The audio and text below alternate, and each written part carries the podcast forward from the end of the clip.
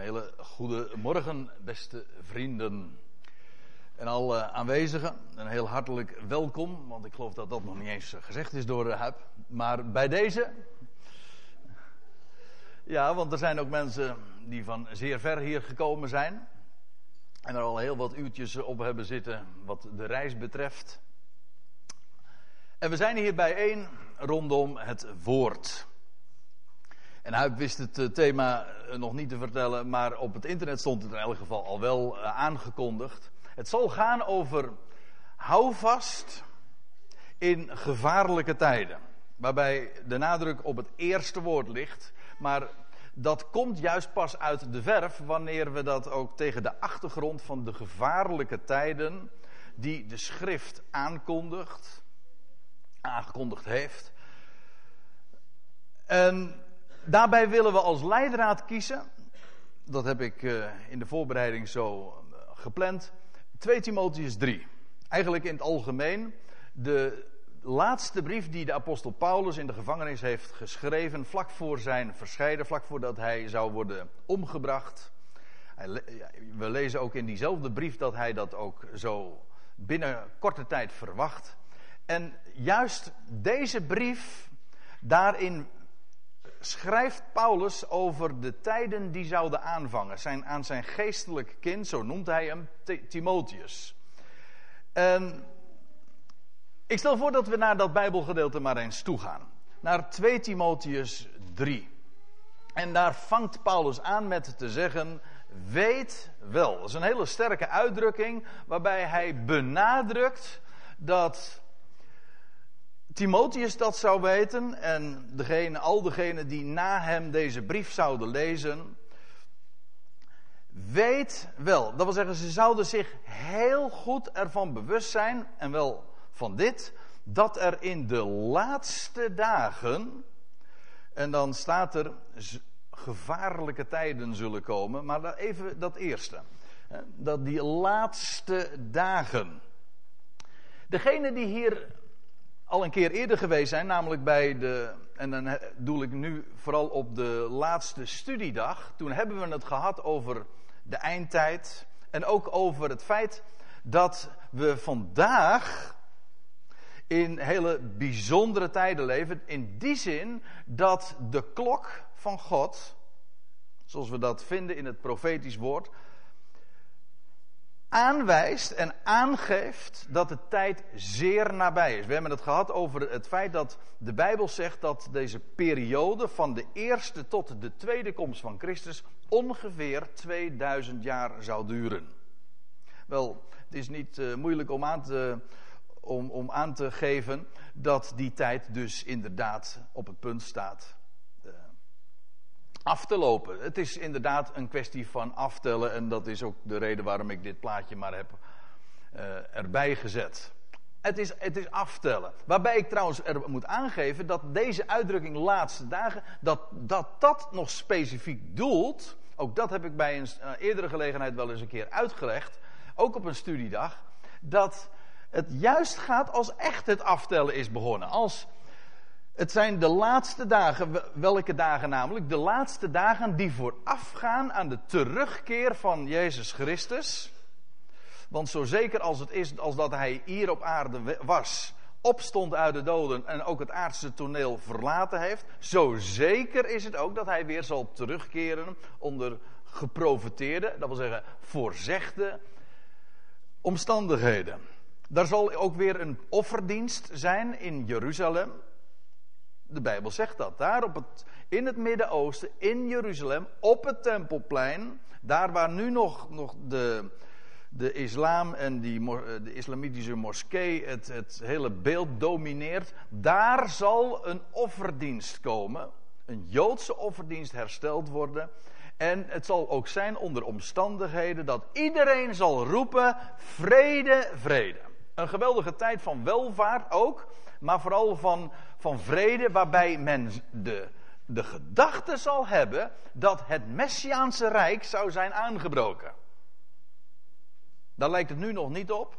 We, horen nu allemaal over recessie en over grote spanningen in het Midden-Oosten, die eigenlijk al alleen maar, nou op, op dit moment vooral onderhuids, maar toch oplopen.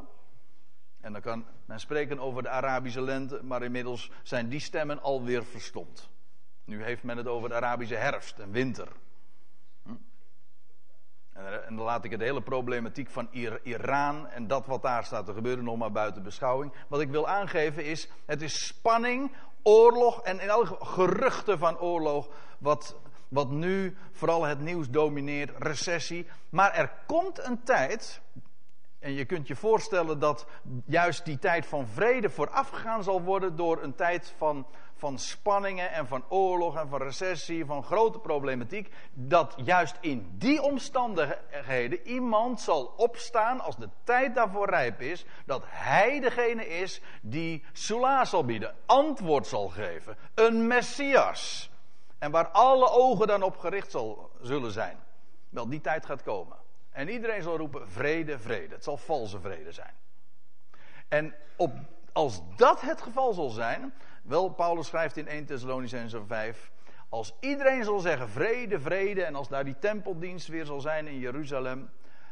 Dan weten wij, de tijd is nabij. Dan is echt het aftellen begonnen. Dus als u het mij vraagt, die laatste dagen waar Paulus het hier over heeft. Dat, zijn die, dat is die, die periode, die, dat zijn die, met recht die laatste 1260 dagen, nou dat is vrij specifiek toch gezegd, dat het aftellen is begonnen en dan weten we, dan gaat het gebeuren. Dat zijn met recht de laatste dagen. In die zin leven wij dus nog niet in die laatste dagen.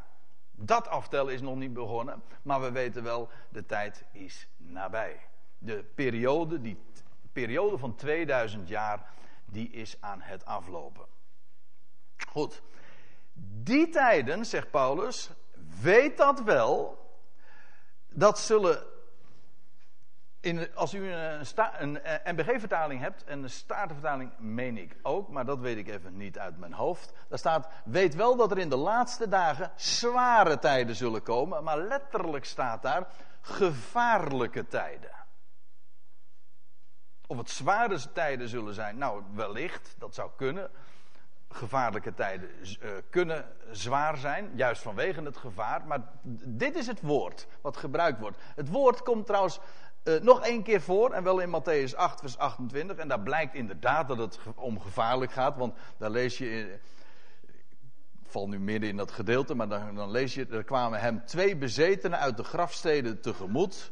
Zeer gevaarlijke, zodat niemand langs die weg kon voorbijgaan. En dan treedt Jezus daarop naar die gevaarlijke mannen toe. Maar dit is het woord wat hier gebruikt wordt. Dus niet zwaar, maar gevaarlijk. Gevaarlijke tijden zullen die laatste dagen zijn. En Paulus zegt: wees je ervan bewust. Dat moet je niet bagatelliseren. Het is belangrijk om te weten aan welke gevaren je blootstaat, zodat je weet hoe je je daarop zou instellen. Nou, daar zullen we het dus ook over hebben vandaag. Uiteraard. Daarom zijn we hier bij elkaar. Maar het zullen gevaarlijke tijden zijn. En ik heb er een plaatje bij gezet. En ik, ik, hoop dat in de loop van deze morgen vanzelf nog wat duidelijker te maken. Maar een plaatje van moderne media, van het internet, van de alle moderne communicatiemiddelen. Die maken die tijden nog des te gevaarlijker. Want wat we en nou loop ik even vooruit. Wat Paulus namelijk hier doet, is vervolgens in, deze komende, in de versen die nu gaan volgen, een beschrijving geven van het moreel van de mensen. En dan heeft hij het over de christelijke wereld. Ik zeg expres tussen aanhalingstekens, dat wordt ook vanzelf duidelijk.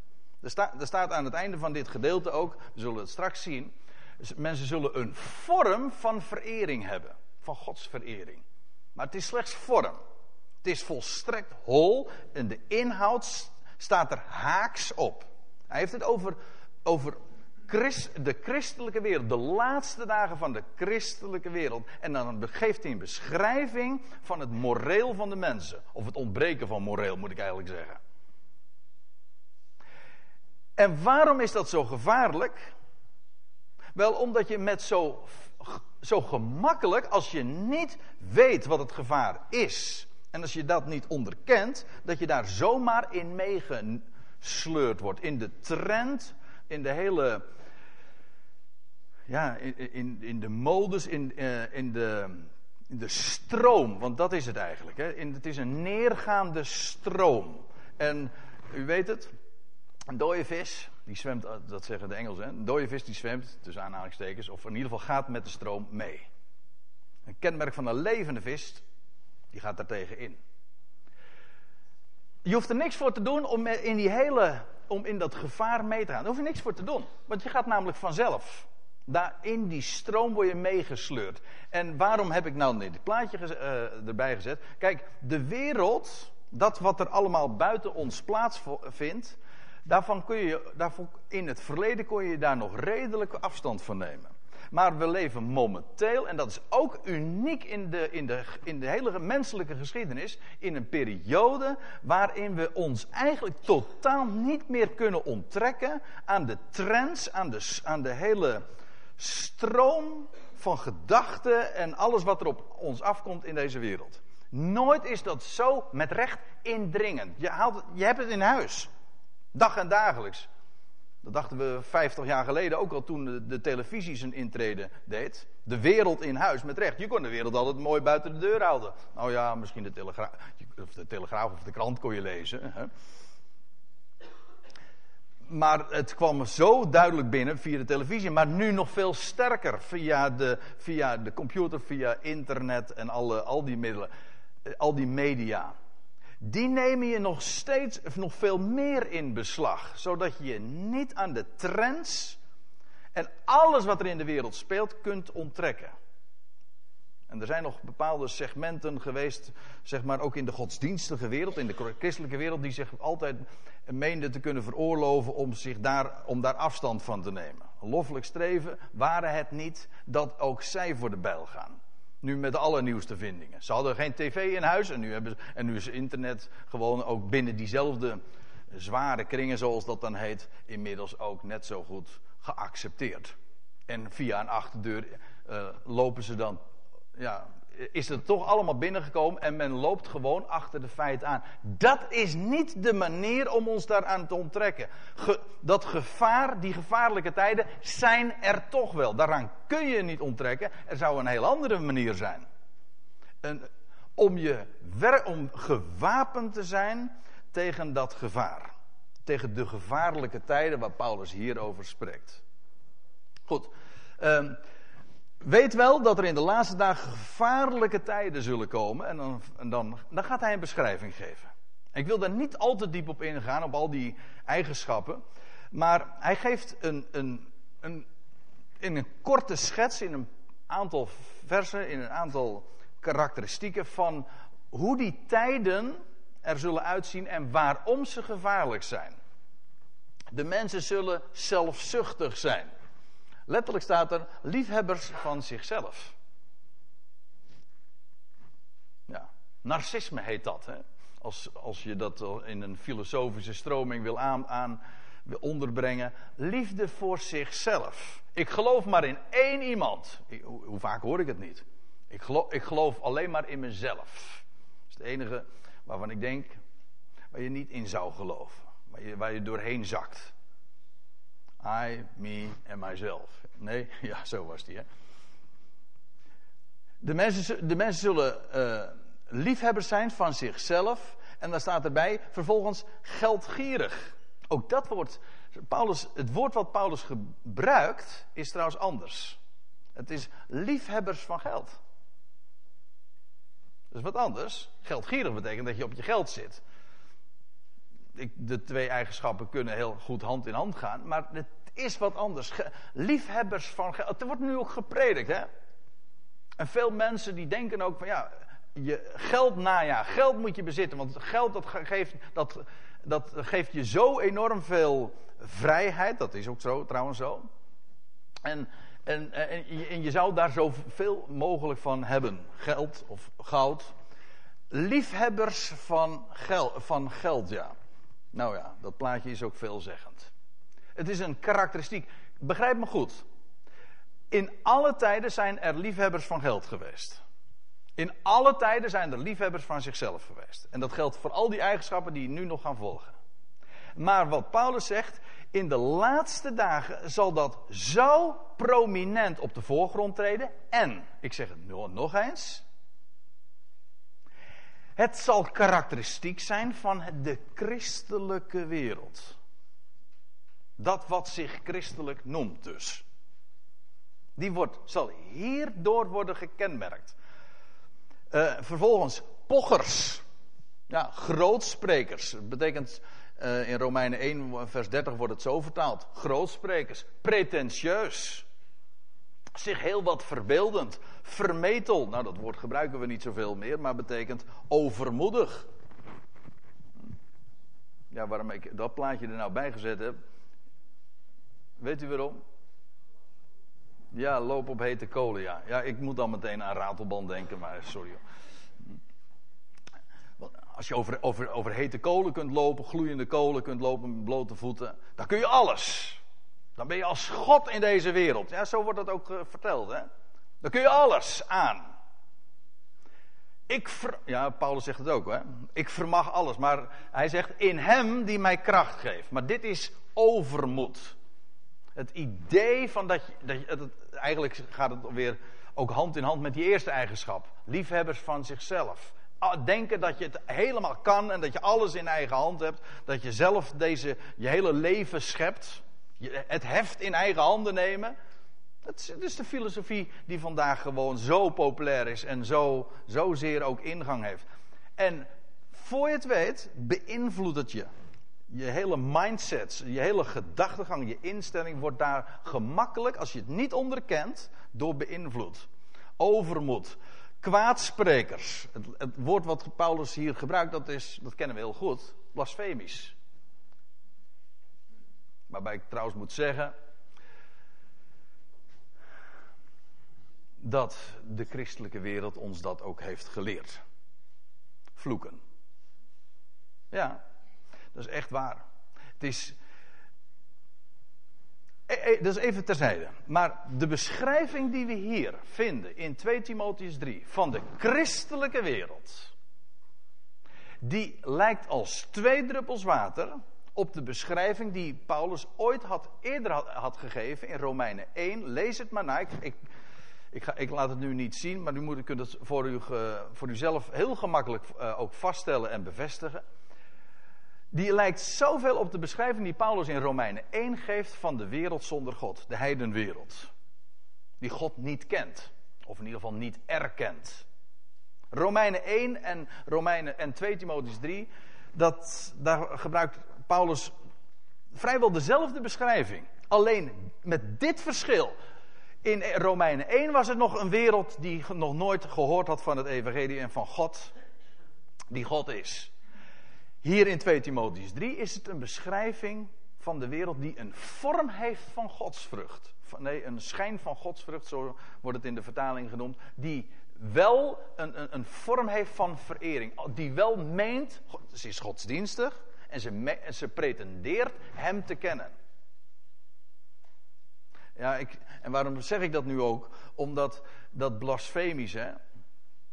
Ik ben ervan overtuigd. Je kunt natuurlijk klagen over, over dat het in deze wereld bergafwaarts gaat. En dat, die, dat deze laatste dagen dat het, de, het christelijke Westen zo enorm degenereert, afgeleid, moreel. Dat is waar. Maar besef één ding.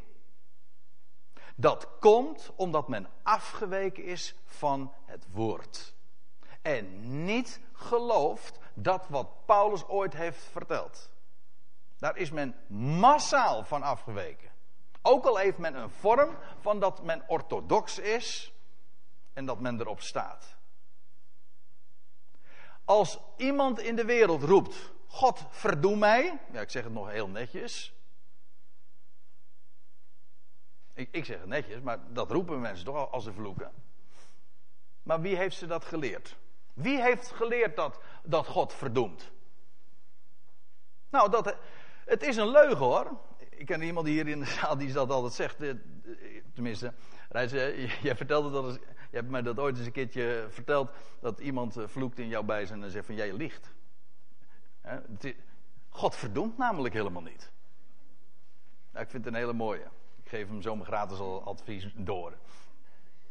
In plaats van dat moralistische, jij mag niet vloeken, dat wat tegendraads natuurlijk altijd werkt. Nee, het is een leugen namelijk. God verdoemt niet. Maar wie heeft, het is vanaf de kansel altijd verkondigd. Hel en verdoemenis. God verdoemt. En eigenlijk het evangelie hield er, kwam er eigenlijk op neer van er zijn er, als jij een keuze maakt, dan verdoemt God niet. Maar de boodschap was God verdoemt je. Vloeken, hij is vanaf de kansel officieel geleerd. Dat was het evangelie. Ja, het is wat. Ja, maar goed. Blasfemisch. Uh, aan hun ouders ongehoorzaam. Ja, dat is een mooi plaatje. Hier, want hier, hier is het allemaal nog heel goed te behappen. Hè? Zolang, als ze zo oud zijn en ze doen zo, dan kun je daar een heel leuk plaatje van maken. Maar een, aan hun ouders ongehoorzaam, laat dat letterlijk rebelleren, weerspannig. Dat ongehoorzaam eh, zou nog kunnen betekenen van nou dat ze bij gelegenheid eens een keer niet luisteren. Nee, echt weerspannen. Ongezeggelijk, dat is eigenlijk de betekenis van het woord. Ongezeggelijk. Dat is het klimaat dat zo karakteristiek is in de laatste tijden en die het ook gevaarlijk maken. Waardoor je aan zoveel gevaren bloot komt te staan. Ondankbaar. hier wordt in het Grieks het woordje ja, ook, ook ja, zonder vreugde. In, in het Nederlands komt dat niet zo uit de verf, maar in, in het Grieks wel. Zonder dank wil eigenlijk ook zeggen zonder vreugde. Ja, als er geen God is, wie moet je dankbaar zijn? Of dat je geleerd hebt God als God te kennen. Dat er één is die alles plaatst. Goed en kwaad. Dat je kunt danken in alles. Hoe moeilijk de dingen ook zijn, maar dat je hem dankt. Nou, de laatste dagen, zegt Paulus, die, die zal gekenmerkt worden doordat de mensen zonder dank zijn. Dat is wat er eigenlijk staat. Ondankbaar. Ook daarmee depressief. Ik zie een directe link. Ik weet dat het glibberig terrein is waar ik me nu op beweeg. Maar ik zeg het toch. Er is een directe combinatie tussen, tussen beide eigenschappen. Zonder vreugde, depressief. Als je geen dank meer kent, als je Hem niet kent, die alles plaat, die God is, met allemaal hoofdletters, hè? Die alles een plek geeft, die voor jou zorgt. Als je Hem kent, dan ken je ook vreugde. Als je Hem niet kent, als de God, ja, dan, dan word je ondankbaar met alle, met alle gevolgen van dien. Zonder dank, daarmee ook zonder vreugde. Onheilig. Ja. Alles wordt door het slijk gehaald. Ook daarvoor is de christenheid zelf de oorzaak. Dat wil zeggen, met, doordat men afgeweken is van de gezonde leer. Paulus zegt dat trouwens in, in hetzelfde, dezezelfde brief. Er komt een tijd, dat zegt hij al tegen Timotheus. In zijn dagen kon hij dat verwachten, dat men de gezonde leer niet meer zou verdragen zelfs. En dat men zich tot verzinsels zou verkeren. Het oor van de waarheid hebben afgekeerd. Ja, en wat hou je over? Nou, dat wat je zelf verzint en produceert, bedenkt. Mooie verhaaltjes. Ja, maar je koopt er niks voor. Dat is misschien wel erg Nederlands gezegd.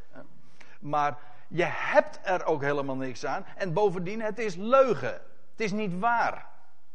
Met, maar het, de, en Paulus eh, beschrijft ook in 2 Timotheus 3 dat er een tijd komt dat men zich daarvan zou afkeren.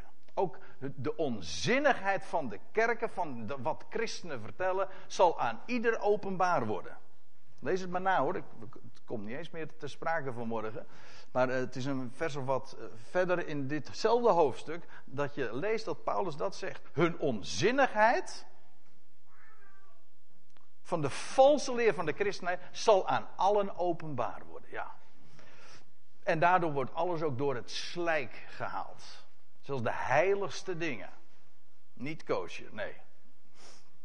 Een liefdeloos. Oh ja, uh, liefdeloos, daar staat eigenlijk dit woord, een, een, een Grieks woord en dat betekent zonder natuurlijke affectie. Zonder natuurlijke betrokkenheid. De natuurlijke verhoudingen kent men niet meer. Nou, ik zou er verschillende voorbeelden van kunnen geven. Maar wat dacht u bijvoorbeeld van, van, uh, van een wijdverbreid kwaad als abortus provocatus? Dat is zonder natuurlijke affectie. Zo natuurlijk is het om, om de moederschoot te beschermen. Maar dat men dat, uh, dat, men, dat men het zelfs ook propageert, dat dat vrijgegeven zou moeten worden en dat, ook, dat dat normaal is. Dat is zonder natuurlijke affectie. Ja, nou, ik, ik zou, ik, er komen nog een paar voorbeelden in gedachten, maar eh, laat ik verder gaan. Maar dit is het woord wat Paulus hier gebruikt. Trouweloos. Nou, in, in het, in, als u de, een concordant version hebt, waar, de, waar een hele precieze weergave van de woorden wordt gegeven, uh, daar wordt een woord gebruikt dat eigenlijk betekent onverzoenlijk. Men is niet in staat om dingen meer bij te leggen. Ik kan dat ook niet loszien van de boodschap die men altijd verteld heeft. Ja, als je geen God kent die verzond, die gewoon alle tegenstellingen en alle vijandschap niet doet, ja, dan mis je ook een basis om werkelijk uit verzoening te leven. Zodat men ook inderdaad onverzoenlijk wordt tegenover elkaar. Als je eenmaal een bepaald standpunt hebt ingenomen naar de ander toe, nooit meer bereid te zijn om je hoofd te buigen. Onverzoenlijk. Lasteraars. Nou ja, het, woord, het Griekse woord wat hier gebruikt wordt, dat is, dat is dit wat wij kennen als duivels. Ons woord duivels is afgeleid van diabolos. Diabolos betekent letterlijk dooreenwerper. De dingen door elkaar gooien. Dat is vaak ook met als, heeft als gevolg lasteren. Dit, dit is, dat is duivels, inderdaad. Karakteristiek van de laatste dagen van de christelijke wereld. Lasteraar, diabolisch, onmatig. Letterlijk staat er onbeheerst. Maar ja, dat is ongeveer hetzelfde dat je geen maat meer weet te houden. Of onhandelbaar. In het Grieks, in het, uh, de Engelse concordant version, daar wordt gezegd fierce. Of dat betekent woest. Inderdaad, onhandelbaar dus. Men kan in de familieverhouding, maar dat geldt in alle communicatie. Eigenlijk al die eigenschappen die hier gegeven worden, die zijn, dat is horizontaal. In alle verhoudingen werkt zo'n werkt die hele instelling door. In, in, in je gedrag, in je spreken, in je denken.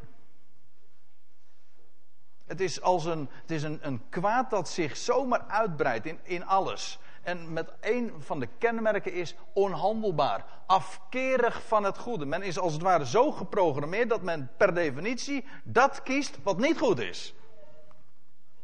Maar dat is, dat is een, eh, met recht een afwijking uh, verraderlijk.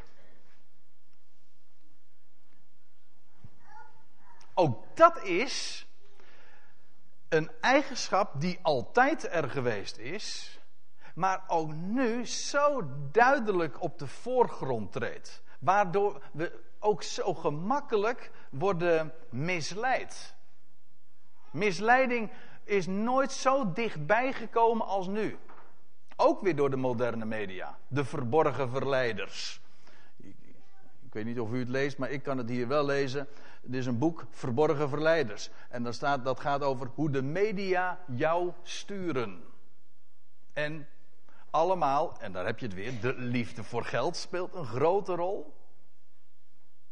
Het is namelijk commercie. Ze willen jou, ze willen jou iets verkopen. Ze willen aan jou verdienen. Maar ze verleiden jou. Ook in hun, in de, in, niet alleen maar bedrijven, maar ook de politiek en godsdienst, filosofie. Je wordt verleid. Op een verborgen, op een tricky manier. En juist hoe moderner de middelen zijn, hoe moeilijker je je daaraan kunt onttrekken. Daarom durf ik te zeggen dat de tijden nog nooit zo gevaarlijk zijn.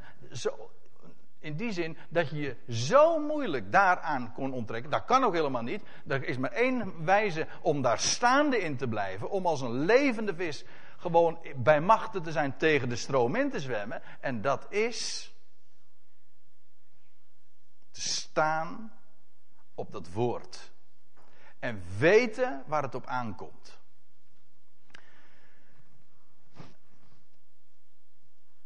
Roekeloos. Dat wil zeggen, geen, je niet bewust zijn van, van de gevaren, dat wat er allemaal op je afkomt. Nou ja, dat had hier dus weer ook mee te maken. Opgeblazen. Het lijkt, dingen worden groter gemaakt. Dat is trouwens ook verraderlijk. Dingen worden heel groot gemaakt, maar ze zijn het niet. Het is prikken doorheen en het is lucht. Daar horen we trouwens heel veel over. Hè? Over de economie, dan wordt er ook gezegd: het is allemaal een luchtbel. Maar dat is niet alleen over de, als het gaat over financiën en economie. Dan wat politiek, heel veel dingen die ons voor, worden voorgezogen als groots. Het is opgeblazen. Dat is niet alleen maar in het, in het kleine dat mensen zich zo groots voordoen en pochen. Maar ook in het grote geheel, in de media, worden je dingen voorgeschoten en dingen worden opgeblazen. Terwijl het niks is. Het is lucht. Of oh, in andere Bijbelse termen, het is zuurdezen. Met meer liefde voor genot dan voor God staat er. Niet dat liefde voor genot fout is, maar de verhoudingen zou je wel moeten kennen. Het gaat in het leven maar om één iemand. En dat is het kennen van Hem. God. Met allemaal hoofdletters, ja. Die. En dat zou, het, dat zou het zwaarst wegen, maar dat is dus niet het geval in die laatste dagen. En dan wordt er nog bij gezegd, met een schijn van godsvrucht, letterlijk met een vorm van verering, de kracht daarvan. Dat, want ziet u, ik heb er al een paar keer op gewezen. Hier wordt een beschrijving gegeven van de wereld, van de christelijke wereld, of zo u wilt, van de godsdienstige wereld. Ze hebben wel de vorm van devotie, maar, in, maar het, is, het is inderdaad schijn. Het is slechts vorm. De inhoud staat er mijlenver vanaf. De, in, de vorm komt niet overeen met dat wat erin zit. Dat is dus ook verraderlijk, bedriegelijk. Dat wat christelijk heet, wat zou staan voor het evangelie, in werkelijkheid is het, er, is het iets totaal anders. De kracht daarvan staat er, uh, die met de schijn van godsvrucht de kracht daarvan verlogend hebben. Ja. En wat is de kracht? Wat is de kracht van de, ja, van de godsvrucht, van de, uh, van de verering? Dat, dat woord godsvrucht, dan moet je niet denken aan fruit of zo. Heeft niks met vruchten te maken. Het is een beetje een misleidend woord in die zin. Het, het woord wat gebruikt wordt, dat is verering, devotie. Hem de eer geven die hem toekomt. Goede verering. De laatste dagen hebben, zullen wel, zullen wel uh, gekarakteriseerd worden door een vorm van verering, maar de kracht ervan verlogent men. En de kracht van verering is, dat is het kennen van Hem. Dat wil zeggen, een werkelijk evangelie. Hoe was het ook alweer in wat Paulus ook in Romeinen 1 beschrijft? Het evangelie, het goede bericht, dat is een kracht Gods tot redding. En trouwens niet alleen tot redding. Het is een goddelijke kracht. Maar dan moet je wel het goede bericht kennen. Al, allerwege is die boodschap van God, zelfs de essentie ervan, ik heb het er al zojuist aangegeven in verband met die blasfemie, die van de kansel gepredikt wordt, maar men heeft de kracht van het goede bericht, van die blijde boodschap, ontkent men. En, en bovenal, ja, het is in, in de, de kern, maar niet alleen het evangelie, maar in het algemeen het woord van God. God heeft gesproken. Hij heeft zijn woord gegeven en dat is zijn de schriften. En het is een plaatje die door sommigen wel heel goed herkend zal worden. Ja, er zijn mooie, zijn tegenwoordig, en dat is ook de, dat is het geweldige van de tijd waar wij in leven. Die zijn zeer gevaarlijk, er komt enorm veel op ons af. En we weten, de tijd nadert en er gaat niks mis hoor. Integendeel, als we die gevaren onderkennen, dan weten we, nou, dan gaat het dus goed. Want dat is namelijk precies wat we hadden mogen verwachten. Nou, als u zegt van het is zo moeilijk, nou, of het is zo gevaarlijk, zeg nou, ik kan u verzekeren, het wordt alleen maar gevaarlijker. Dat is namelijk karakteristiek voor de tijd waarin we leven, wat voorzegd is. Daaraan kun je je niet onttrekken, daaraan hoef je je niet onttrekken. We hebben een kracht waardoor we daar tegen opgewassen zijn. Weerstand hebben, dat is een mooi woord. Dat trouwens heeft ook weer te maken met gezondheid. Dat je weerstand hebt. Daartegen kunt bieden. En dat, is, dat zijn de schriften. Dat je weet wat er staat geschreven. Ja. Nou, er wordt in, in het algemeen wordt hier nog tegen Paulus, eh, wordt door Paulus erop gewezen, houd ook deze op een afstand. Dat wil zeggen, bewaar afstand. Dat is in het algemeen al een hele goede verkeersregel, nietwaar? Om afstand te bewaren. Maar als, als het gevaarlijk is, mistig is, of donker of glad, om des te meer afstand te bewaren. Het is een communicatie regel in het algemeen die erg waardevol is om afstand te bewaren. Maar zeker in gevaarlijke tijden houdt, mens, houdt dat op een afstand. Maar dan gaan we even een paar versen verder. Slaan we, ja, dat, dat, ik ben door de, nood, de tijd genoodzaakt om een aantal versen nu over te slaan. En dan gaan we naar vers 10. En dan schrijft Paulus, gij daarentegen. In het Grieks staat hier, het, heel kort, jammer dat, men, dat dat niet consequent is weergegeven door de gebruikelijke vertalingen. Maar er staat letterlijk, maar jij. Dus terwijl er gewoon een hele een neergaande stroom is, een gevaarlijke stroom die, die inderdaad richting de afgrond gaat, waar je, als je daar niet van bewust bent, zomaar, en ja, daar zomaar in meegesleurd wordt. Dat je daar, uh, wat Paulus hier zegt, maar jij, dat is de grote tegenstelling. Maar jij, zegt Paulus tegen Timotheus, je hebt volle aandacht geschonken aan mijn onderricht, mijn wijze van doen, mijn bedoeling, geloof, langmoedigheid, liefde, volharding. Hij gaat nog verder. Maar het gaat even om dit ene, het specifieke woord. Dit eigenlijk moet ik zeggen. Maar jij. En als ik dan nog een paar versen oversla, dan schrijft hij het nog een keertje. Dus tegenover die hele stroom en tegenover die hele trend en dat gevaar dat zich dat opdoemt, die gevaarlijke tijden die zullen komen, dan zegt Paulus in vers 14 nog een keer hetzelfde. Ook dat komt niet in de vertaling tot uitdrukking, maar hij schrijft twee keer exact hetzelfde. Maar jij, Timotheus, jij die wel aandacht geeft aan mijn woord. Als je, je, als je bestand wil zijn tegen die gevaarlijke tijden, als je daar immuun voor wil wezen, dan ben je niet zomaar. Nee, daar is een kracht voor. Waar we zojuist over lazen. De kracht van de verering.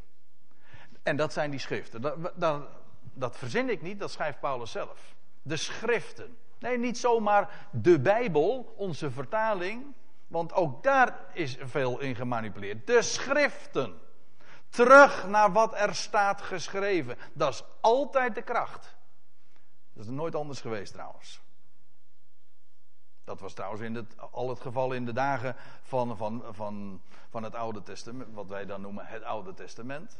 Altijd weer terug naar de Torah. Terug naar de getuigenis. Jezaja, die je leest, wat blijft er over? Terwijl iedereen anders zegt, de schriften. Of wat zei Jezus toen hij in de woestijn was? Er staat geschreven. Als er gevaar op je afkomt, de doorheenwerper, de diabolos. Wat, wat, wat Zorg er nou voor dat je werkelijk bestand bent. Waardoor je omhoog kan kijken, waardoor je niet meegaat. Ook moreel niet, hè? Want dat woord, dat, maakt dat, dat zorgt ervoor dat jij vitaal bent. Dat je goed gericht bent en daardoor ook, dat beïnvloedt je van binnenuit. De Bijbel zegt in, Rome, in, in Romeinen 12 dat je dan vernieuwd wordt in je denken. En dat daardoor ook in je spreken, in je hele instelling, je, ja, je, in je gedrag. Het beïnvloedt namelijk je, ook je keuzes, kortom je hele leven. Maar het begint hier, in je denken. Hoe ben je gericht? Waar gaat het om? Nou, ik wil vanmiddag daar nog uh, wat dieper op ingaan. Heb ik als titel meegegeven: Vijf gouden, vijf gouden adviezen. Het staat min of meer los van de studie van deze morgen. Toch wel. Want ja, een aantal van u zullen niet uh, vanmiddag hierbij kunnen zijn. Dus ik heb, uh, ik heb me voorgenomen om er toch min of meer twee aparte echt bijeenkomsten van te maken. Maar waarbij Paulus in deze brief nog zulke geweldige richtlijnen geeft. Heel concreet. Hoe je bestand bent tegen de gevaren die in die laatste dagen zo indringend op iedereen afkomt. Op iedereen afkomen. Blijf jij echter, schrijft Paulus tegen, dat schrijft hij hier nog tegen Timotheus, bij wat je geleerd en toevertrouwd is. Ook hier weer, hè. Maar jij, wel bewust van wie je het hebt geleerd. En schrijft Paulus aan Timotheus. Timotheus, dat moet u weten. Timotheus was een, eh, een, nog een jonge man. En hij is als het ware. Hij krijgt het testament van Paulus. Dat is deze tweede Timotheusbrief. En Paulus instrueert hem. En bindt hem dingen op het hart. Een hele persoonlijke brief ook.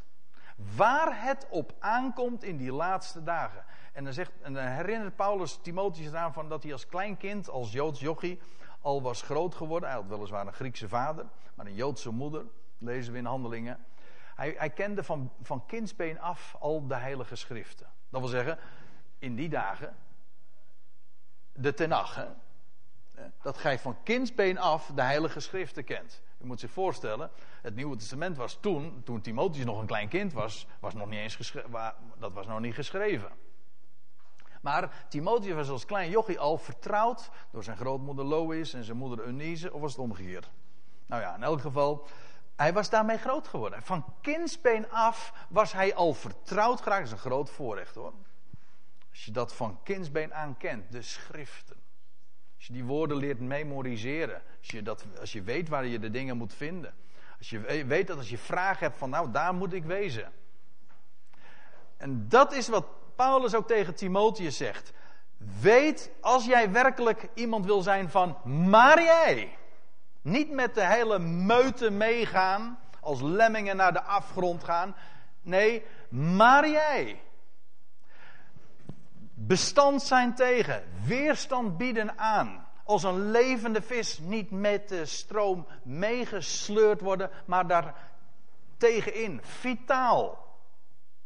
Waarom? Omdat je zo'n krachtpatser bent? Nee, omdat je de schriften kent. Dat is het houvast. Ik, ik weet niet of u zich nog het plaatje herinnert die, dat ik aan, in de aanvang liet zien over houvast in gevaarlijke tijden. Dat was dat, die vuurtoren. En terwijl, eh, terwijl het misschien, terwijl er stormen zijn en terwijl er eh, het gevaarlijk op zee is, dan is daar die vuurtoren, dat licht. Wel, dat is, dat is precies wat de schriften zijn. Dat is licht op ons pad. Dat is wat we, wat ons, waar we ons op oriënteren. Wat altijd antwoord geeft. Wat, waardoor we ook de tijden waarin we nu leven precies kunnen onderkennen. Daarom weten we nu ook hoe laat het is. We weten, de termijn loopt af. We kunnen niet anders dan verwachten dat, dat de hele christelijke wereld, die een vorm van Gods, van verering heeft, dat ze inderdaad compleet het, het pad kwijt zijn. In denken, in spreken, in alle opzichten. In niets meer lijkt op wat het goede bericht, het evangelie, het woord van God ons voorhoudt. Nee, men heeft dat verlaten. Daar moet je je niet over verbazen, hoef je niet over ach en weet te roepen. Zo is het. Dat is voorzegd. En weet gewoon zelf. Want het gaat niet om massa's mensen. Denk ook niet dat je populair kan worden met, met zo'n boodschap. We zitten nu met een heel aantal mensen hier bij elkaar. Nou, wat stelt het getalsmatig voor? Je bent een eenling. Ook daar zul ik het vanmiddag nog over hebben. Maak je er niet druk om. Zo is het. Dat is een gegeven. Weet waar je het zoeken moet. Dat wil zeggen in die schriften. tegen Timotheus wordt gezegd dat je van kindsbeen af de heilige schriften kent. En ik moet nog even, ik moet even doorlezen. En dan staat er nog bij die u wijs kunnen maken tot, ja in onze vertaling staat dan zaligheid, maar er staat gewoon redding hoor. Klinkt wel heel mooi, zaligheid, maar er staat gewoon redding. Wil je, redden, wil je gered worden? Nou, ik weet, dat is, daarbij de, dat is te vinden in de schriften.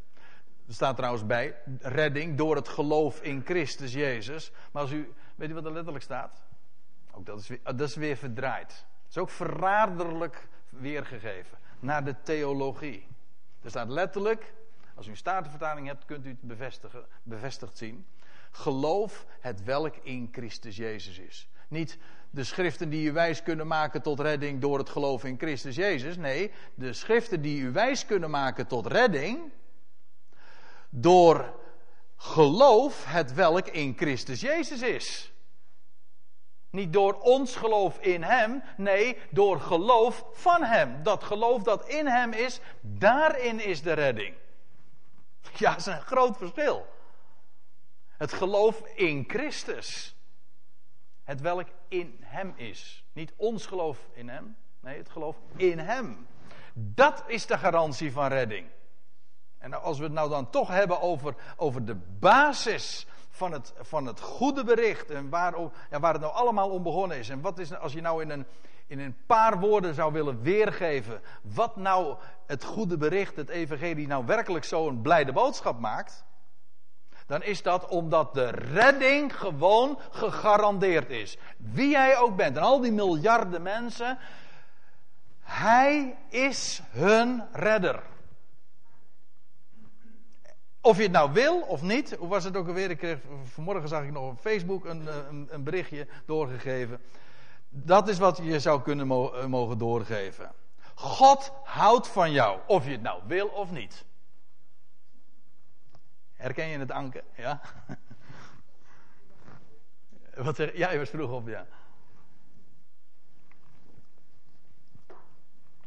Niet, God verdoemt jou tenzij. Nee, dat is zo krom. Dat is, weet u, dat is godslastering. Nergens wordt God, ja, nou, nou zeg ik het eventjes sterk. Nergens wordt God zo gelasterd als juist in de kerk. En dan bedoel ik dat heel breed.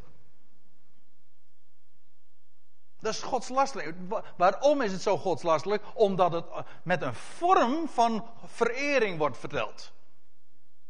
Het is bijbels, het is orthodox, ja, maar het is godslasterlijk. Het is, je vereert God door te vertellen wie Hij is. Niet op voorwaarde dat, nee, weet u, die boodschap, die verdraaide boodschap, die heeft juist gemaakt dat de, dat de hele christenheid zo degenereert. Want het is een holle boodschap. Het is een, een boodschap die verrot is. Ja, dat is echt. Ik, ik zou geen beter. Of ik zou geen. Nou, het is geen mooi woord, maar het geeft precies aan. Er zat ooit leven in, maar het is doods geworden. Het stinkt. Het, is zo, het staat zo haaks op de vitaliteit van dat wat God vertelt. En wat Paulus ooit van Gods wegen heeft doorgegeven als apostel, als leermeester van de heidenwereld. En hij vertelt wie God is. Dat zouden we vertellen. Dat mag je weten. Nou, en die schriften, die, en Timotheus wordt erop gewezen. Die, die schriften die kunnen je wijs. Ja, de, in de wereld maken ze je maar wat wijs. Maar de, de schriften maken jou daadwerkelijk een wijs iemand. Weten, zorgen ervoor dat, dat je dingen weet, verlicht wordt. En geven je wijsheid door, vanwege dat, doordat het wijst op dat geloof dat in Christus Jezus is. Waardoor hij die weg is gegaan. Tot de dood. Ja, tot de dood van het kruis. En hij stond op uit de doden. En daarom, omdat hij die weg van geloof is gegaan, is er redding inderdaad. Voor heel het mensdom en voor de hele schepping. Nou, en dan vervolgt Paulus nog. Elk van God ingegeven schriftwoord. Dat wil zeggen, niet alleen maar die, die Hebreeuwse Bijbel die Timotheus al van kindsbeen aankende. Maar elk van God gegeven eh, schriftwoord. Inmiddels was Paulus aan het einde van zijn leven. En er waren vele brieven inmiddels en geschriften aan toegevoegd. En het getal van de schriften is inmiddels vol.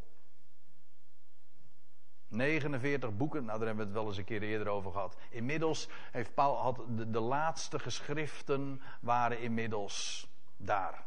En nu schreef Paulus tegen Timotheus: elk van God ingegeven schriftwoord. Niet alleen die Hebreeuwse Bijbel die jij al van kindsbeen aankent, maar al die brieven die er inmiddels bijgekomen zijn. Die 70 boeken van de Bijbel. Ja, het hangt er een beetje vanaf hoe je telt, maar het is in ieder geval een veelvoud van zeven. Het is compleet. Ja, en al, elk van God ingegeven schriftwoord, dat woord wat hier gebruikt wordt, van God ingegeven schriftwoord, er staat letterlijk dit Griekse woord. Mag u van mij weer vergeten op zich. Als u maar niet, eh, als u zich maar wel realiseert wat het betekent. De theopneustos staat daar. Dat betekent letterlijk God geblazen. God geïnspireerd. Die schriften zijn geïnspireerd. En weet, weet u wat het betekent? Dat ze, dat ze levend zijn. Ik, moet eraan, ik heb expres dit plaatje erbij gedaan. Waarom? Omdat het herinnert aan de schepping van Adam. En, van, bij, en dan lees je in Genesis 2 dat God blies. God nam stof uit de aardbodem. En hij formeerde de mens. En dan staat er, en hij blies in hem. En alzo werd de mens een levende ziel. Staat er. Dat wil zeggen, God blies en als hij blaast, dan wordt dat wat doods was, levend. Wel, dat is die schriften. Dat, zijn, dat is maar niet een, een, een, een dat zijn maar geen uh, eh, 70 boeken bij elkaar. Nee, geen 66. 70 boeken uh, geschrifte lettertjes. Nee, het is levend. Waarom? Het is God geïnspireerd, God geblazen. En Paulus schrijft al die boeken bij elkaar, elk van God ingegeven schriftwoord. Dat, en Paulus doet aan het einde van zijn leven nog heel veel moeite, ja ook in deze brief, om al die geschriften bij elkaar te brengen en om ze aan Timotheus te geven. Het complete Bijbel. Die had Timotheus in zijn bezit. Ja. Nou, daar hebben we het wel eens bij een andere gelegenheid over gehad. Maar in elk geval, Timotheus wordt daarop gewezen. Die schriften, die zijn God geblazen en ze zijn nuttig om te onderrichten. Dat wil zeggen, om door te geven, om, het, om de mensen daarin te onderwijzen. Om, ze te weer, om daarmee te weerleggen. Mooi woord. Weerleggen betekent eigenlijk dat je eh, weer opnieuw het fundament legt. Je legt opnieuw het fundament. En waarom is dat nodig? Om, om, om te weerleggen. Om aan de kaak te stellen. En je legt het fundament neer. Zo zit het. Zo staat, met recht, zo staat het. En zo stel je ook de dingen aan de kaak. Die schriften zijn nuttig om te onderrichten, te weerleggen, te verbeteren. Dat wil zeggen, waardoor wij inderdaad gecorrigeerd worden. Want dat is wat het, dat is wat het woord staat. Het gaat er niet om dat die schriften ons uh, wijs maken om onszelf te verbeteren. Nee, die schriften corrigeren ons, veranderen ons. En op te voeden in de gerechtigheid. Die schriften voeden ons op met recht. En dan staat er nog bij, opdat de mens Gods volkomen zij, tot alle goed werk volkomen toegerust. En wat je hier ziet, is dat die schriften door Paulus worden aangewezen als, het, als de verzameling van, van boeken, van geschriften, die ons in staat stellen om volkomen te zijn, om bestand te zijn tegen de gevaren. Daar hoef je helemaal, daar, daar hoef je niet tegen op te zien. Die gevaren zijn groot, dat is waar, maar je bent zoveel sterker dan alle gevaren die er op je, op je afkomen wanneer je die schriften kent. Er staat in, in 1 Johannes 4 of 5, 1 Johannes 5, dat hij die in ons is, die is meer dan die in de wereld is. We hoeven hebben geen enkele reden om, om bang te zijn. Integendeel, wij, zijn, wij, wij leven in triomf. Dat wil zeggen, we kennen de, de schriften. Die schriften maken ons wijs, staat er. En bovendien, die schriften stellen ons in staat om volkomen te zijn. De mens Gods is volkomen, tot alle goed werk volkomen toegerust. Ik heb expres dit plaatje erbij gezet van een, een, een gereedschapskist. Hè, of een gereedschap die je in staat stellen om alles te doen wat, wat nodig is. Nou, dat is wat die schriften doen. Je wordt volkomen toegerust. Die schriften zijn alles. Blijf daarbij. Leer, laat je daardoor onderwijzen. Laat je daardoor corrigeren. Neem het tot je als voeding, als brood, als water. Zoals je elke dag brood neemt, neem die schriften tot je. Het is belofte. Alleen daardoor leer je omhoog te zien. Alleen daardoor leef je ook werkelijk. Dat geeft je kracht. Daardoor weet je waar, in wat voor tijd we leven. Daardoor weet je ook wat voor toekomst ons en deze wereld wacht. Kortom, het geeft ons alles, maar dan ook werkelijk alles wat we nodig hebben. De schriften. Opdat de mens Gods volkomen zij. Tot alle goed werk volkomen toegerust. Ik stel voor dat we het eh, hier, wat deel 1 betreft, even bij zullen laten.